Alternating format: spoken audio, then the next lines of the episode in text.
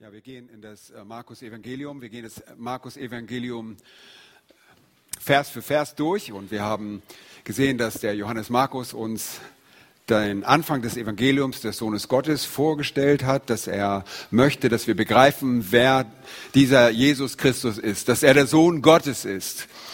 Der Sohn Gottes, der kommen würde, um für uns zu sterben, weil wir schuldige Menschen sind, die bestraft werden müssen, weil uns der gerechte Gott einen sündigen Menschen strafen muss, sandte er sein Sohn. Und so berichtet uns Johannes Markus die Ereignisse, wie sie geschehen sind. Und wir brauchen keinen Zweifel daran haben, ob sie wirklich so geschehen sind. Wir haben volles Vertrauen in das Wort Gottes. Es ist unsere Grundlage und das sollte uns ermutigen. Das sollte uns eine große Freude sein. Wir haben gesehen, dass der Herr Jesus Christus aufgetreten ist und die Menschen selbst aufgerufen hat, Buße zu tun, umzukehren, an das Evangelium zu glauben, das Evangelium des Reiches Gottes. Und wir haben gesehen, wie die Menschen darauf reagieren. Wir haben gesehen, wie die Engelwelt darauf reagiert, besonders die gefallene Engelwelt, die in Panik gerät und die Dämonen, die aus sich herausschreien, Wahrheiten herausschreien über Jesus Christus, die ihn kennen und wissen genau, wer er ist. Wir haben gesehen, wie die Menschen reagieren auf, nicht nur auf die Verkündigung, sondern auch auf die Wunderheilung. Menschen drängen sich um Jesus Christus, weil Jesus barmherzig ist und er Menschen heilt. Er die Dämonen austreibt, die Unreinigen, die Unrein reinigt und das gute Evangelium verkündigt. Nun, wir haben auch Menschen gesehen, die das nicht so toll finden. Die religiöse Elite des Landes zeigt auch eine sehr starke Reaktion und bis Kapitel 3 haben wir gesehen, dass sie sich sogar so verschworen haben, dass sie den Herrn, den Schöpfer dieser Welt töten wollen. Herodianer und Pharisäer, die sonst Feinde sind, haben sich zusammengeschlossen und haben in ihren Herzen sich vorgenommen, Jesus Christus umzubringen. Und das sehen wir wiederholt in der Schrift, in den Evangelien, wenn wir zusammen vergleichen, dass Jesus Christus ihr Ziel ist, dass sie ihn umbringen wollen. Aber Jesu Zeit war nicht gekommen. Und so geht er oftmals einfach davon und er verkündigt weiterhin. Und wir sehen jetzt auch weiterhin verschiedene Reaktionen. Die Menschenmassen bedrängen ihn. Und beim vorletzten Mal haben wir gesehen, dass die Menschenmassen ihn so sehr bedrängt haben, als er in das Haus nach Kapernaum kommt, dass er zu einer seiner temporären Behausung gemacht hat, dass er nicht mal Zeit hatte, mit seinen Jüngern Brot zu sich zu nehmen. Und die Seinen, die sonst um ihn herum waren, seine Gefolgschaft, Jünger und Jüngerinnen, Sie wollten kommen, ihn festnehmen, sie wollten ihn schützen. Wir wissen nicht genau, was dahinter steht, aber sie haben ihn als einen Narren angesehen. Und dann sehen wir eine weitere Reaktion, und zwar die Reaktion der Schriftgelehrten. Sie waren aus Jerusalem gekommen und sie waren natürlich auch sehr besorgt. Eine kleine Menschenmasse die hätten sie noch toleriert. Aber eine große Menge von Menschen, die sich um diesen Meister scharten und die so begeistert waren von diesem Mann, das konnte nicht sein. Und so waren sie trotz aller Evidenz, die sie besaßen, aller Kenntnis über Jesus als den Sohn Gottes, schrieben sie unserem Herrn seine Taten dem obersten Bild, äh, Dämon zu, dem Beelzebul und sagten, er treibt die Dämonen durch den Obersten aus, den Beelzebul. Somit begangen sie die Sünde des Heiligen Geistes. Und jetzt kommen wir zu einem Text, den viele mit dem Text in Vers 20 und 21 Kapitel 3 verknüpfen, in, in dem die, eine Abordnung der Familie äh, Jesu auf ihn zukommen. Ich lese den Text aus Markus Kapitel 3, die Verse 21 bis zum Ende des Kapitels. Markus 3, 31 bis zum Ende des Kapitels. Da kamen seine Brüder und seine Mutter und sie blieben aber draußen, schickten zu ihm und ließen ihn rufen. Und die Volksmenge saß um ihn her. Und sie sprachen aber zu ihm, siehe, deine Mutter und deine Brüder sind draußen und suchen dich. Und er antwortete ihnen und sprach, wer ist meine Mutter oder wer sind meine Brüder? Und indem er ringsumher die ansah, die um ihn saßen, sprach er, siehe da, meine Mutter und meine Brüder. Denn wer den Willen Gottes tut, der ist mein Bruder und meine Schwester und Mutter. Nun, mit diesem Text zeigt uns Jesus Christus selbst die Priorität geistlicher Verwandtschaft. Die Priorität geistlicher Verwandtschaft. Nun, der erste Eindruck, den wir hier gewinnen, ist, dass Jesus respektlos in irgendeiner Art und Weise gegenüber seiner eigenen Familie und Mutter respektlos ist. Schließlich machten sie sich auf, ihr Zuhause war in Nazareth, dort hatten sie ihr Zuhause gehabt, nachdem sie über Ägypten zurück nach Bethlehem wollten und Josef und Maria erfuhren, dass Archelaus an der Regierung war, ließen sich in Nazareth nieder in Galiläa.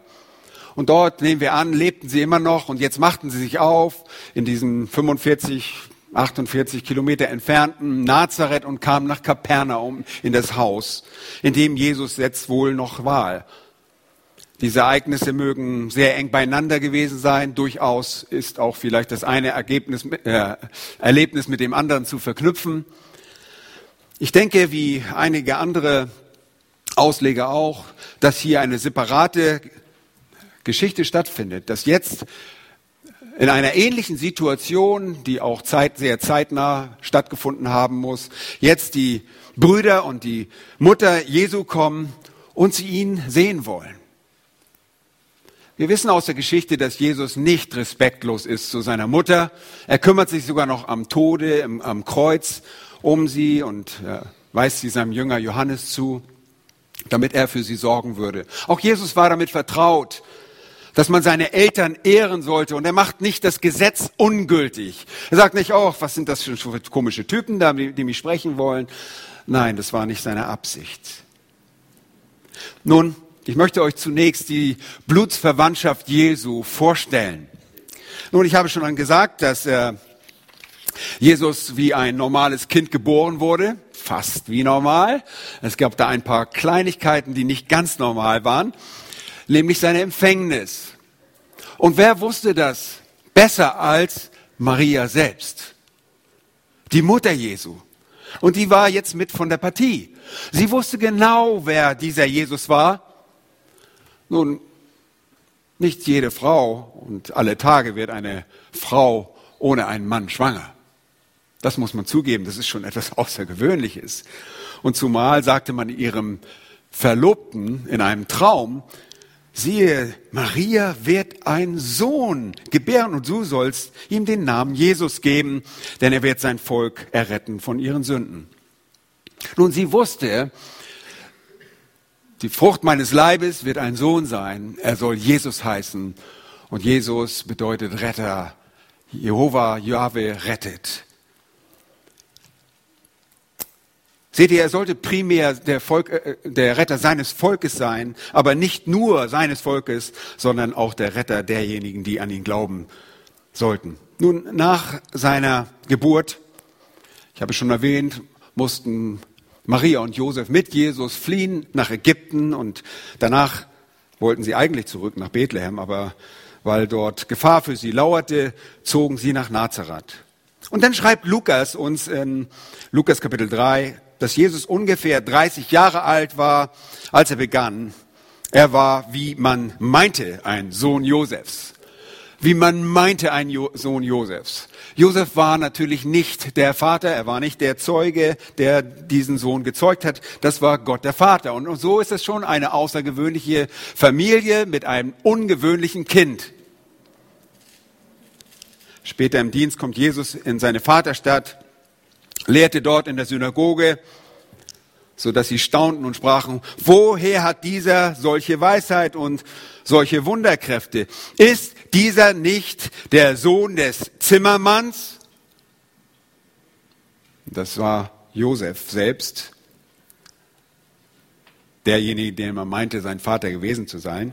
Ja, ein Sohn Josefs, aber nicht durch physische Zeugung, denn er ist der Sohn, Jesus der Sohn Gottes. Heißt nicht seine Mutter Maria, heißt es da? Ja, sie wurde durch übernatürliche Art schwanger. Und die Bibel berichtet das deutlich. Und seine Brüder heißen, und das steht in Matthäus 13, Vers 55, Jakobus und Joses und Simon und Judas. Das waren offensichtlich weitere Kinder der Maria, Halbbrüder unseres Herrn Jesus Christus, denn sie wurden tatsächlich von Josef oder einem anderen Mann wir wissen nicht genau, wie lange Josef gelebt hat. Das ist uns verborgen. Es wird nicht sehr viel über Josef, den Vater, den vermeintlichen Vater des Herrn Jesus Christus gesprochen. Das wissen wir nicht. Und dann heißt es eine interessante Aussage, die wir auch leicht übersehen. Und sind nicht seine Schwestern alle bei uns? Nun, Jesus hatte Halbschwestern. Zumindest zwei. Wobei dieses alle, das die Schlachter hier wohl einfügt, ich habe das nicht genau untersucht, aber wobei sind nicht seine Schwestern alle bei uns? Das hört sich sogar noch mehr als zwei an. Zwei Schwestern, aber mindestens hat er zwei Schwestern, Halbschwestern gehabt. Seine physische Verwandtschaft, seine physische Familie ist uns also sehr gut bekannt. Maria wird uns im Markus Evangelium nur ein einziges Mal erwähnt, in Kapitel 6 und dort eben auch die, die Brüder. Und wir können so viel über Maria erfahren, allein durch ihren Lobpreis äh, im Lukas Evangelium. Sie erkennt, dass Jesus der Gott und Retter ist. Sie lobt ihn, aus ihrem Lobpreis kann man so viel abgewinnen, ihre Erkenntnis über Jesus Christus. Und jetzt kommen Maria mit den Brüdern und sie verlangen nach Jesus. Und wir wissen nicht genau, was es ist, es sei denn, man verknüpft dieses Ereignis mit Versen 20 und 21. Dann wollten sie ihn für verrückt erklären und auch festnehmen, um ihn vielleicht zu schützen, weil sie sich um ihn fürchteten weil sie vielleicht die Furcht hatten, dass Jesus Dinge tut, die er hinterher bereuen würde. Nun, seine Brüder, von seinen Brüdern wird gesagt, dass sie nicht gläubig waren während seines Dienstes. Wir können das nachlesen im Johannes Evangelium Kapitel 7 und Vers 5. Da heißt es deutlich, denn auch seine Brüder glaubten nicht an ihn.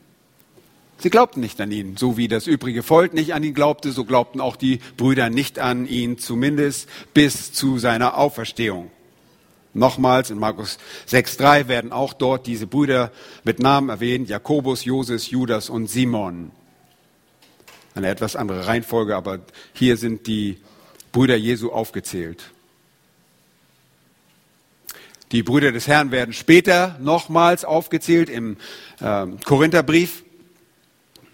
Möglicherweise ist es eine Referenz in 1. Korinther 9, Vers 5, wo es heißt, dass ähm, Paulus sagt, sind wir nicht berechtigt, eine Schwester als Ehefrau mit uns zu führen, wie auch die anderen Apostel und die Brüder des Herrn und Kephas. Diese Brüder waren also offensichtlich auch verheiratet. Nun, das tut hier alles nichts zur Sache. Ich möchte euch nur diese Familie vorstellen. Und dann sehen wir diese Brüder, die nicht geglaubt haben, und ihr müsst euch diese Familie einfach mal vorstellen zu Hause. Es gibt einen perfekten Sohn zwischen diesen ganzen Rüpeln. Und äh, sind wir nicht alle dankbar, dass wir, als wir Kinder waren und Geschwister hatten, dass wir alle Rüpel waren, dass wir alle Rebellen waren. Jemand, der sich absolut perfekt verhält innerhalb einer Familie, der wird gleich irgendwo an den Rand gestoßen. So, das kann es doch nicht geben. Ein Kind, das nie einen Fehler macht, absolut in perfekter Art und Weise reagiert hm, da kann man schon sehr schnell eifersüchtig und neidisch werden. Irgendwie denkt man, dieses Kind ist doch nicht ganz bei Trost oder irgendwie findet man irgendwas an diesem Kind. Nun offensichtlich, Jesus hat keine Wunder getan in seiner Kindheit, den toten Spatzen aus der Pfütze gerettet hat oder sonst irgendwelche, ich weiß nicht, welche Märchen da alles äh, existieren. Das hat er nicht getan. Er fing mit seinem Dienst erst später an. Er war ein Zimmermann, und er sagte auch nicht einfach Tisch und der Tisch war fertig, sondern er war ein Zimmermann, musste diesen Tisch arbeiten, erarbeiten und sägen und hobeln und schleifen und was nicht alles. Er war einfach, machte nicht Gebrauch von seinen unabhängigen Eigenschaften seiner Gottheit. Er war wahrer Mensch und wahrer Gott. Und dann heißt es aber nach der Auferstehung, eine Überraschung für uns im Apostelgeschichte Kapitel 1, lesen wir ab Vers 13, und als sie hinkamen, gingen sie hinauf in das Obergemach, wo sie sich aufzuhalten pflegten, nämlich Petrus und Jakobus, Johannes, Andreas, Philippus und Thomas, Bartholomäus und Matthäus, Jakobus, der Sohn des Alpheus und Simon, der Zelot und Judas, der Sohn des Jakobus. Ihr wisst, wer das sind, das sind die Apostel. Diese alle blieben beständig und einmütig im Gebet und Flehen zusammen mit den Frauen und Maria, der Mutter Jesu und mit seinen Brüdern. Wie wunderbar. Die Brüder sind jetzt dabei. Sie sind in der Gemeinschaft der Heiligen. Sie kommen zum Glauben und zumindest von zwei dieser Brüder wissen wir, von diesen Brüdern wissen wir, äh, dass sie Autoren geworden sind, den Jakobusbrief, den Judasbrief. Und jetzt äh, sind wir in der Situation, Jesus befindet sich umringt von einer Menge, von, von der Volksmenge und er lehrt. Alle sitzen um ihn herum. Und die Mutter und seine Brüder kommen. Schwestern sind zu Hause geblieben, die müssen ja auch kochen, keine Ahnung, was sie gemacht haben. Aber die Brüder kommen und die Mutter kommt. Und Jesus bekommt diese Botschaft und sagt, du, deine, deine Mutter und deine Brüder sind draußen. Die wollen nicht sprechen. Und ihr müsst euch jetzt nicht irgendwie ein Augenrollen vorstellen, dass Jesus sagt, ach, na, die schon wieder. Nein. Sondern einfach der Moment für die Lehre. Ein Lehrmoment unseres Herrn Jesus Christus. Der sagt, was für eine Gelegenheit, meinen eigenen Jüngern beizubringen, was wahre Beziehung ausmacht. Was geistliche Verwandtschaft ist. Er nutzt einfach die Situation, um eine wichtige Wahrheit zu lehren und beginnt also mit in Vers 33 und wenn ihr genau hinschaut, beginnt er mit einer Frage und das ist typisch die jüdische Art und Weise. Mit Fragen wurde viel gelehrt. Das ist ein sehr, sehr wichtiges Stilmittel in Lehren. Und er weist darauf hin, dass seine Nachfolger Jesus über alles lieben werden, weil sie die Beziehungsverhältnisse ändern sollten in gewisser Weise. Denn er spricht davon, Schaut mal in den Text in Vers 34. Und indem er ringsum die ansah, die um ihn saßen, sprach er, siehe, da meine Mutter und meine Brüder. Und das ist erstmal verwunderlich. Man fragt sich, was bedeutet das? Ich verstehe nicht recht. Kannst du uns das mal irgendwie verklickern, was das bedeutet? Wieso sind das meine Mutter? Wieso sind das meine Brüder? Nun, wir sehen, er legt einen Wert auf die Priorität der geistlichen Verwandtschaft. Und was ist das für eine Verwandtschaft? Schaut euch die Verse 32 und 34 an. Da ist es, die Volksmenge saß um ihn und sie sitzen nicht nur einfach um ihn herum, weil Jesus irgendwie eine Wärme ausstrahlt und die frieren alle und äh, denken einfach, okay, ich wärme mich an Jesus, setzen sie alle um Jesus. Er ist ja schließlich das Licht der Welt, vielleicht strahlt er auch ein bisschen Wärme aus. Nein, sie sitzen um ihn, um was? Um ihn zu hören, um ihn zu hören. Vers 34. Und indem er ringsum die ansah, die um ihn saßen. Nochmals, sie sitzen um ihn herum. Gewöhnlich standen sie um ihn herum. Und er hat sich hingesetzt. Der Lehrer saß, hat sich nämlich immer hingesetzt. Eigentlich müsstet ihr alle stehen, ich müsste sitzen. Okay? Aber er hat sich auch hingesetzt, denn er lehrte den ganzen Tag, vermutlich mal wieder den ganzen Tag. Und da kriegt man schon schwere Beine. Er hat sich hingesetzt, sie saßen auch alle um ihn herum und sie hörten zu. Die geistliche Verwandtschaft Jesu, und das ist das erste Kriterium, ein sehr wichtiges Kriterium. Hört zu. Die Blutsverwandtschaft hört oft nicht zu. Nun, Jesus will auch nicht das eine gegen das andere ausspielen, sondern er sagt, es gibt eine neue Beziehung, es wird eine neue Beziehung geben, die von größerer Qualität sein wird als die Blutsverwandtschaft. Es sei denn, dass die Blutverwandten auch zu einer geistlichen Verwandtschaft werden. Das kann natürlich auch sein und das war auch der Fall im bei Jesus. Bei Jakobus und Judas in ihren kurzen Episteln sehen wir, dass sie sich vorstellen, in ihren Episteln nicht als Jakobus, ich bin der Bruder des Herrn Jesus Christus, sondern nein, sie sehen sich als den Sklaven des Herrn Jesus Christus an. Sie sehen ihre geistliche Verwandtschaft an. Nun, sie saßen dort um ihn herum und sie hörten. Leben, das ist eins der Grundvoraussetzungen für eine geistliche Verwandtschaft, das Hören. Sie mussten hören, was Jesus predigt. Sie, die Jünger, die auf Jesus, auf die Jesus sich hier bezieht, er muss sich auf sie beziehen, denn der Vers geht noch weiter, hörten ihm zu und sie sollten ihm glauben. Paulus schreibt im Römerbrief, demnach kommt der Glaube aus der Verkündigung, die Verkündigung aber durch das Wort Gottes. Jesus spricht, der Sohn Gottes, und alles, was er spricht, ist das Wort Gottes. Er kam, um zu verkündigen. Und das Wort Gottes ist die Grundlage für eine neue, für eine geistliche Verwandtschaft. Durch das Wort wurden sie Kinder. Durch das Wort wurden sie gezeugt. Das Neue Testament macht es immer wieder deutlich. Ich liebe das. Jakobus selbst, sein Halbbruder, sagt im ersten Kapitel seiner Epistel in Vers 18 und 19, sagt er, nach seinem Willen hat er uns gezeugt durch das Wort der Wahrheit. Seht ihr, hier ist die geistliche Zeugung im Vordergrund, nicht die physische. Wie es im physischen Zeugung einen, einen Samen des Mannes braucht, so ist hier der Same das Wort der Wahrheit. Ihr seid gezeugt durch das Wort der Wahrheit, damit ihr gleichsam Erstlinge seiner Geschöpfe seien. Darum, meine geliebten Brüder, sagt Jakobus. Er spricht hier zu Brüdern, keine physischen Brüdern, geistliche Brüder. Es gibt eine neue geistliche Verwandtschaft. Petrus spricht darauf an. Und er lobt Gott gleich zu Beginn seines ersten Briefes. Er sagt, gelobt sei der Gott und Vater unseres Herrn Jesus Christus, der uns auf seiner großen Barmherzigkeit wiedergeboren hat. Wir, die wir tot waren, geistlich tot waren, mussten zum Leben gebracht werden. Und Gott hat uns wiedergeboren. Hier ist das Bild der Geburt. Und der Schreiber des Hebräerbriefes sagt, denn sowohl der, welcher heiligt, als auch die, welche geheiligt werden, sind alle von einem, nämlich von Gott. Aus diesem Grund schämt er sich auch nicht, sie Brüder zu nennen. Jesus nennt die Gläubigen Brüder. Wir sind Söhne Gottes und ihr seid Töchter Gottes, ihr Frauen. Ihr müsst nicht männlich werden. Wir gehören zu einer neuen Verwandtschaft, einer geistlichen Verwandtschaft, wenn wir wiedergeboren sind. Wenig später im ersten Kapitel seines ersten Buches, seines Briefes, sagt Petrus dann noch präziser, wie das geschehen ist. Er sagt, denn ihr seid wiedergeboren nicht aus vergänglichen, sondern aus unvergänglichen Samen.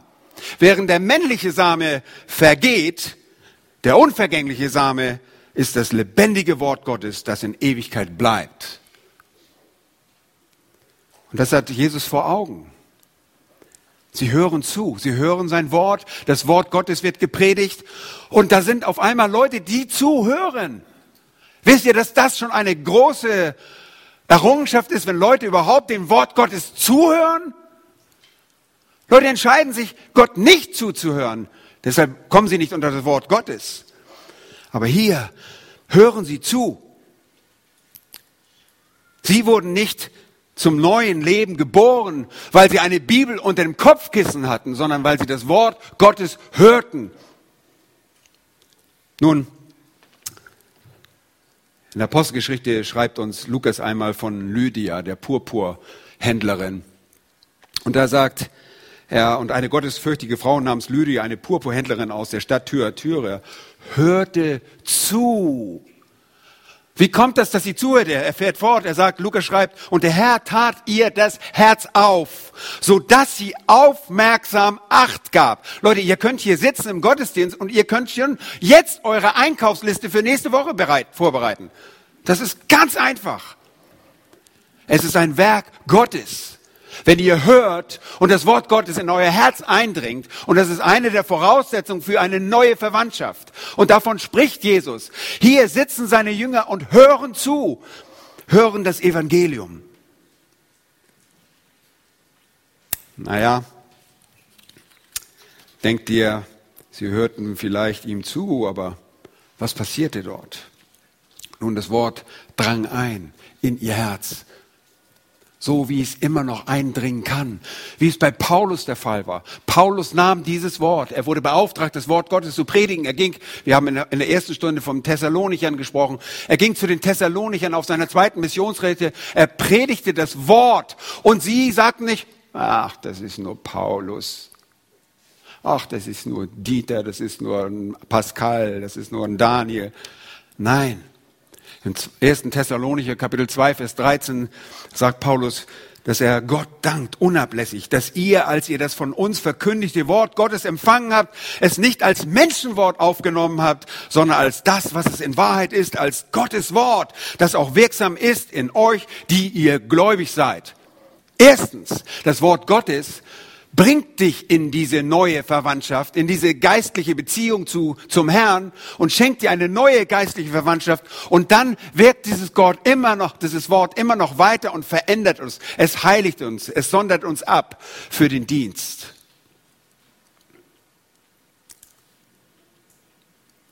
Es ist also in mehrerlei Hinsicht wirksam.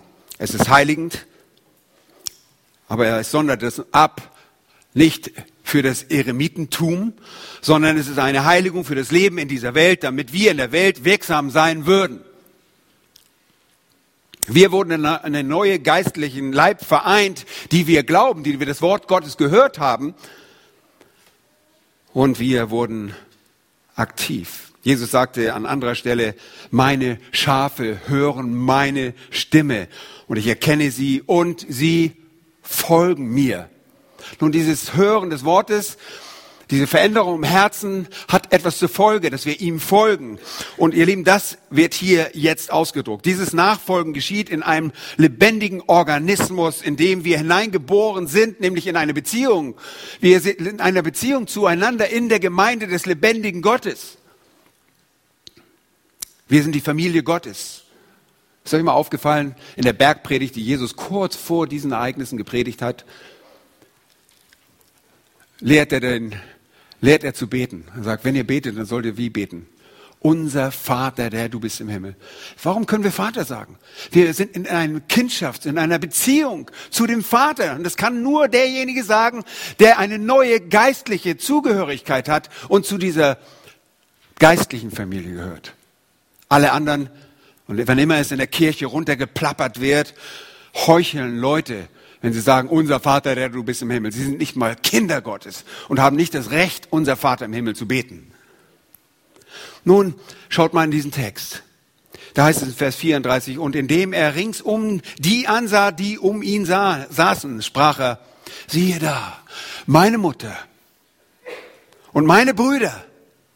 Und jetzt begründet er, was er dort sagt. Denn denn was?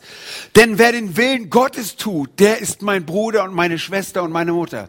Das konnte er von seinen Brüdern nicht sagen. Sie waren ungläubig. Sie taten nicht den Willen Gottes. Hier waren seine Geliebten und ich bin mir sicher, er hat nur seine Geliebten dabei angesehen. Es gab sicherlich ungläubiges Volk unter ihnen, aber er, er guckte seine Geliebten an, wo er wusste, das sind meine Kinder, sie werde ich heiligen. Und nach der Auferstehung braucht Jesus dieses Wort Brüder. Sagt meinen Brüdern, ich glaube äh, Matthäus 28, Vers 20 oder Vers 10, wo er sagt, verkündigt meinen Brüdern, sagt er. Und damit meint er nicht seine physischen Brüder, sondern einfach die Jünger. Verkündigt meinen Brüdern. Was heißt das? Wer ist der Bruder? Wer ist die Mutter?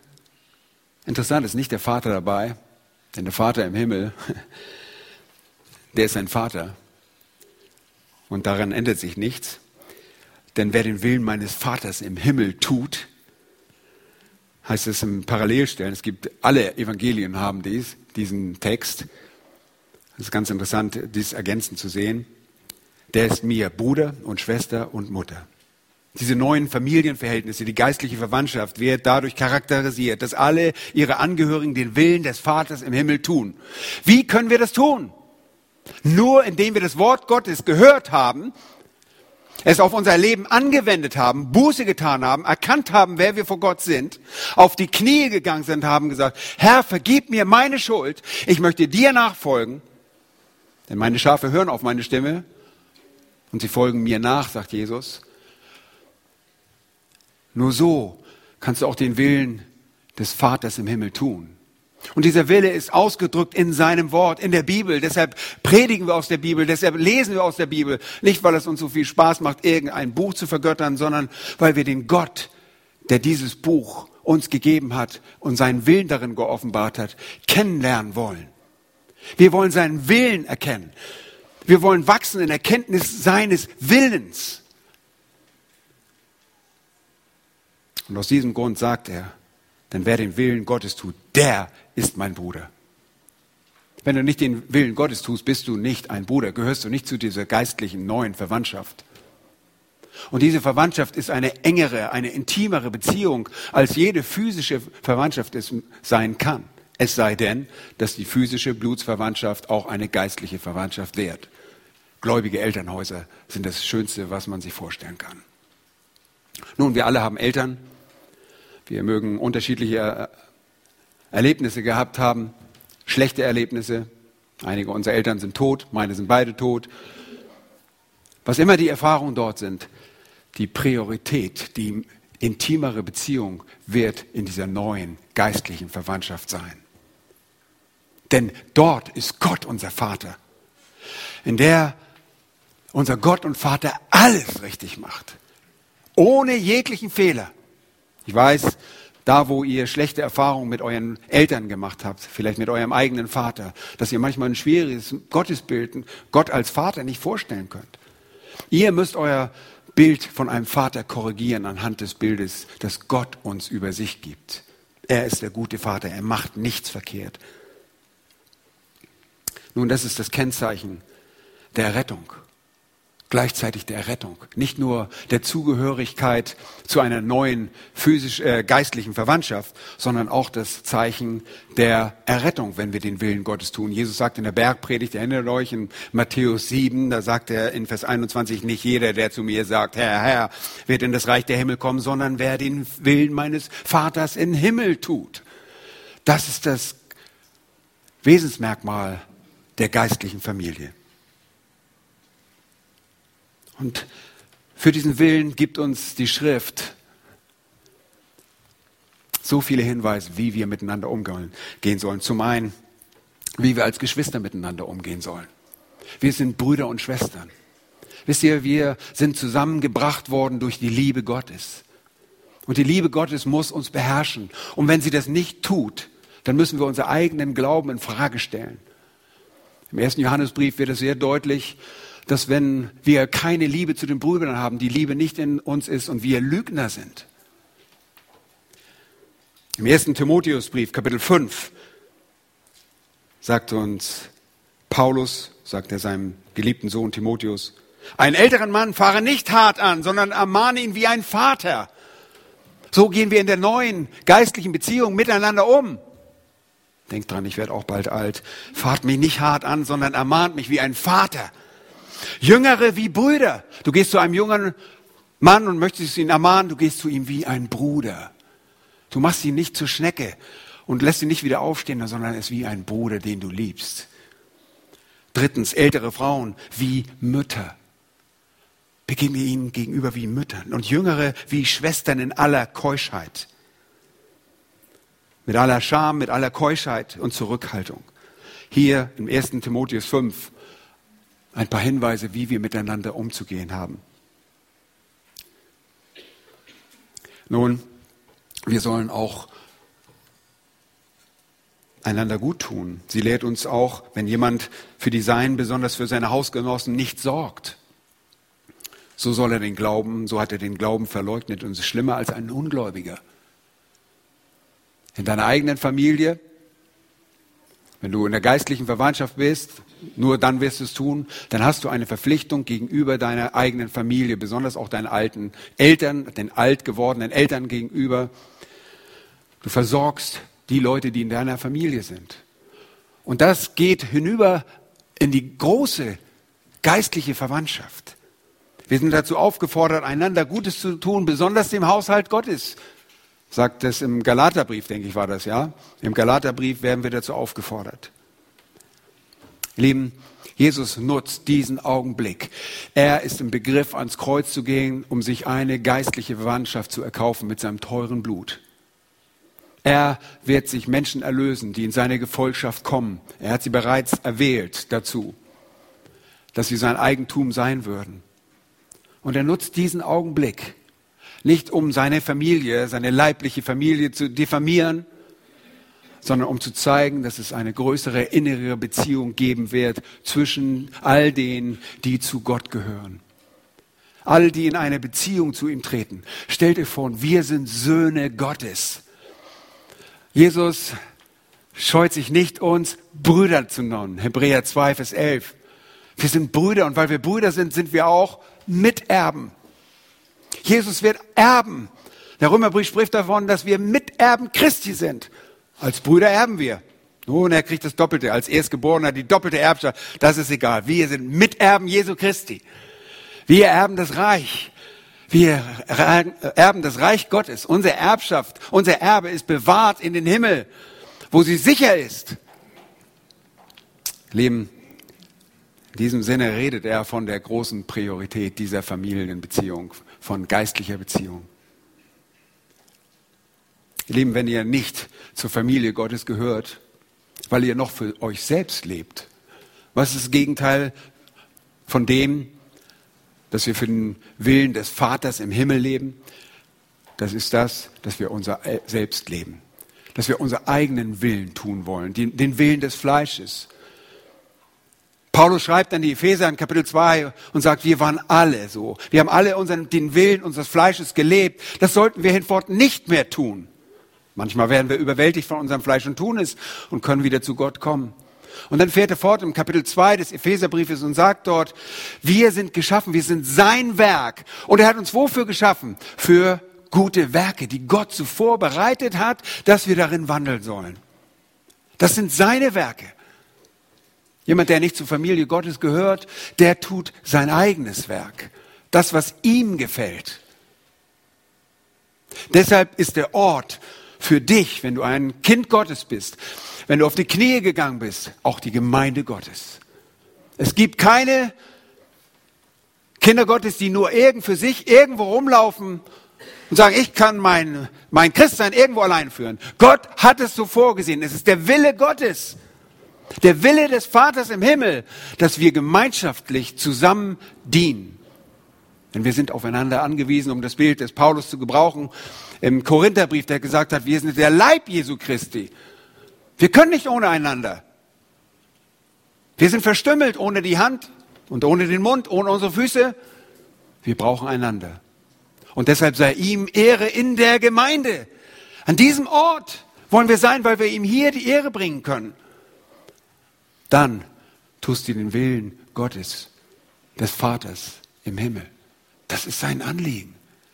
Und er möchte nicht, dass wir weglaufen. Er möchte nicht, dass wir eigensinnig sagen, oh, ich kriege nicht das, was ich bekomme hier in der Gemeinde. Es macht irgendwie, es bringt mir nichts. Was bringst du ein? Frag dich, was bringst du ein? Du sollst etwas bringen.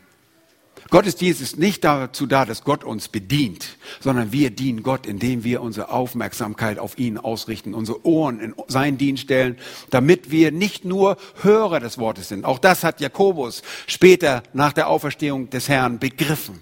Nicht nur Hörer, sondern Täter des Wortes zu sein. Und das kennzeichnet diese Familie diese geistliche Verwandtschaft, die Priorität hat über eine irdische, physische, biologische Blutsverwandtschaft. Ist gekennzeichnet, indem wir hören auf das Wort Gottes. Da steht irgend so ein Typ auf der Kanzel und die Leute, die Kinder ja, oder die, die Familie hört zu für eine ganze Stunde. Das ist komisch. Das ist die geistliche Verwandtschaft, weil wir Gott zuhören wollen. Unserem Vater, seinem Wort. Gottes Wort, Christi Wort. Und dann der zweite Punkt ist, dass wir den Willen Gottes tun. Und dabei müssen wir uns hinterfragen, tun wir den Willen Gottes oder verführen wir uns selbst? Erinnert ihr was Jakobus, der Bruder, der Halbbruder des Herrn, verstanden hat? Wenn du nur hörst, dann bist du so wie einer, der in den Spiegel guckt und der wieder weggeht und vergisst, wie sein Angesicht ausgesehen hat. Vergeblich. Jetzt in Kapitel 4 werden wir gleich anschließend, nicht gleich, demnächst anschließend hören, wie Jesus den vierfachen Ackerboden aufzeigt und wie es auch solche gibt, die hören und wo das Wort einfach wieder sofort rausgerissen wird, weil ihre Herzen schon plattgetreten sind, weil sie steinhart sind. Wo ich bete, dass dein Herz heute weich ist, wenn du Gott nicht kennst, wenn du nicht zu dieser Familie gehörst oder wenn du nur immer nur Teil warst und irgendwie ein Mitläufer warst, mach Schluss mit diesem Selbstbetrug. Tu den Willen Gottes, beuge dich unter sein Wort, tu Buße, fang an, ihm zu dienen, ehe es zu spät ist. Kehr um, tue Buße.